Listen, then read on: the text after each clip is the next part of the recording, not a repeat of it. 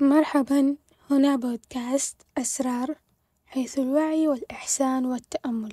طالما أثار اهتمامي طبيعة الإنسان وطريقة خلقه وحينما تفكر في الأمر تجد أن الأمر في غاية الجمال والإبداع. جميعنا نأتي إلى هذه الحياة بغاية واحدة وهو عبادة الله. لكن من منا يبحث عن المعنى؟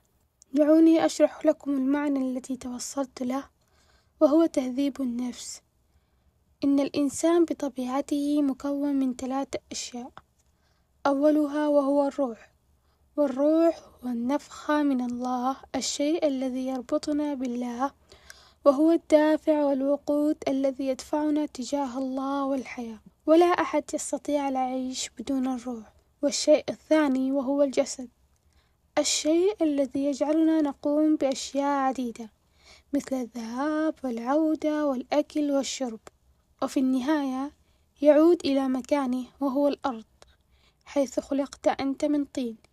في حين تعود الروح إلى باريها إلى السماء ويبقى الشيء الأهم والشيء الثالث وهو النفس. والنفس هو شخصيتك أفكارك معتقداتك صفاتك وقيمك ومبادئك. وهنا النفس التي سوف تحاسب من عند الله.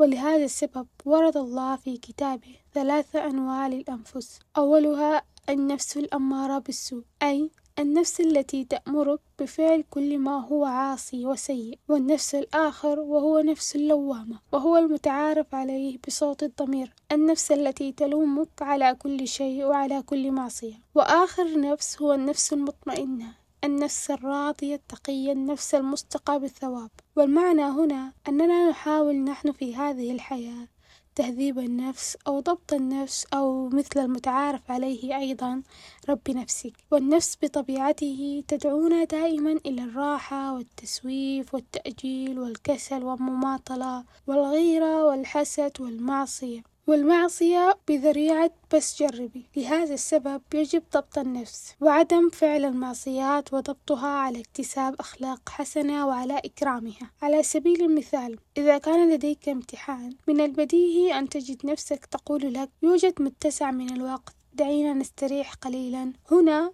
يجب أن تهذب وتضبط نفسك لتقوم للدراسة. مثال آخر حينما تسمع صلاة الفجر من البديهي أن تقوم للصلاة.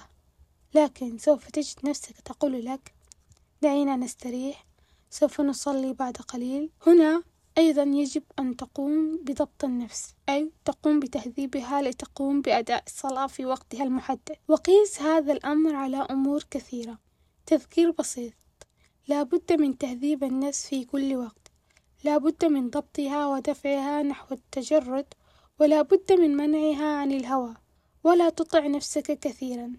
انتبه جدا من هوى النفس. يقول ابن قيم حينما سأل شيخ الإسلام ابن تيمية رحمه الله عن مسألة تهذيب النفس وقطع الآفات قال النفس مثل باطوس وهو جب القذ كلما نبشت ظهر وخرج ولكن إن أمكنك أن تسقب عليه وتعبره فافعل ولا تشتغل بنبشه فإنك لن تصل إلى قراره وكلما نبشت شيء وكلما نبشت شيئا ظهر غيره. وهنا المقصود أن تعمل على الأمور الظاهرة في النفس وليس عليك أن تنبش وتقوم بإخراج علل النفس الذي بداخلك لكي لا تجلب لنفسك القنوط. وتذكر أن تعمل على ما هو ظاهر وحاول وجاهد نفسك واسعى إلى تهذيب نفسك. وإلى هنا أستودعكم الله الذي لا تضيع ودائعه أبدا.